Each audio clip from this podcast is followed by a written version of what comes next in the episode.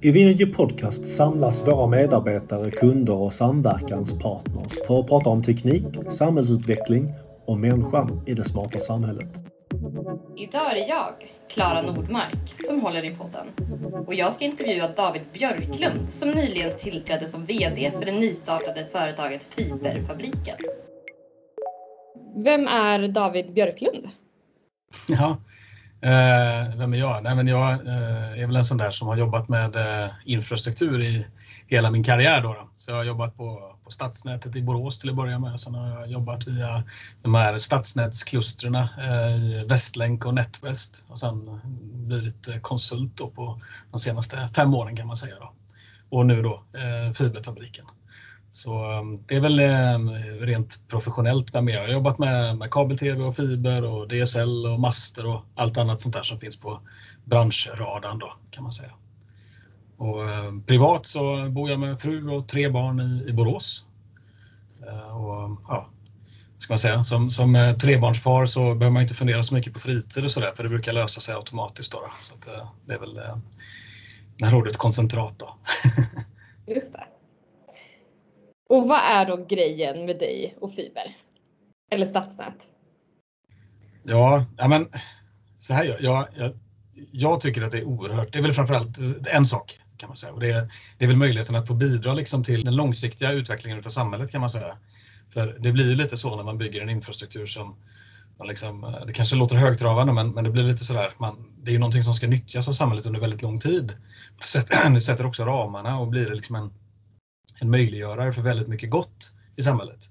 Eh, alltså, att få vara en liten del av den här eh, jag tänker dig eh, digitaliseringen som pågår just nu som jag tror kommer innebära och medföra väldigt mycket gott för samhället framöver. Så det, det, blir liksom, det känns oerhört kul att få, få vara en del av det. Och det, så har det varit de senaste 15 åren för min del kan man säga. Att få, få, få vara med och göra någonting som är så beständigt. Liksom, så. Långt och fluffigt svar men, men Det var bra. Och vad är då fiberfabriken? Vill du berätta lite om det? Mm.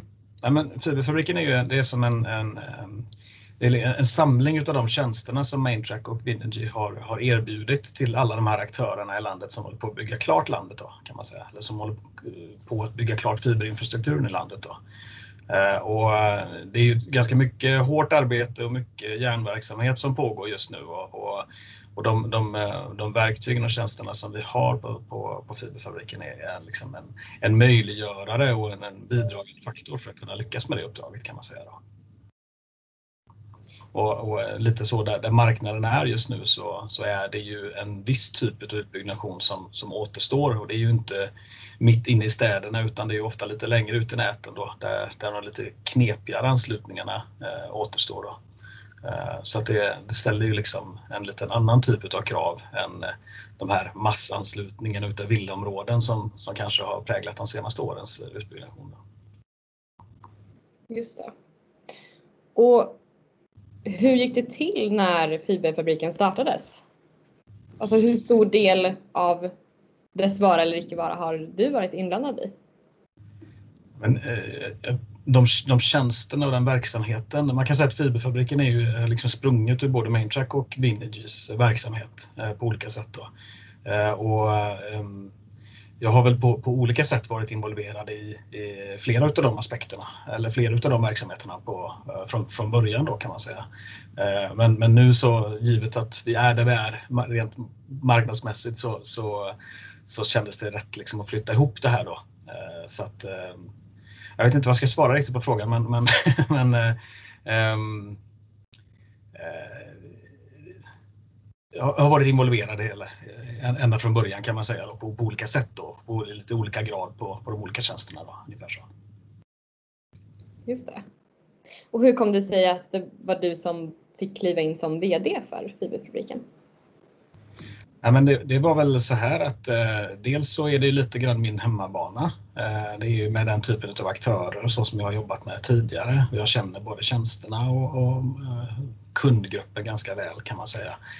Och sen så eh, för egen del så, så känner jag en, en, en, alltså en, en, stolthet över att få bidra till att bygga klart den här infrastrukturen då, eh, och, och, känna att vi faktiskt gör någonting som, som blir väldigt bestående för landet under, under lång tid framöver. Då. Så att eh, när jag fick den möjligheten så, så eh, kändes det helt naturligt. Så. Just det. Och hur har de här första veckorna som VD på fiberfabriken varit?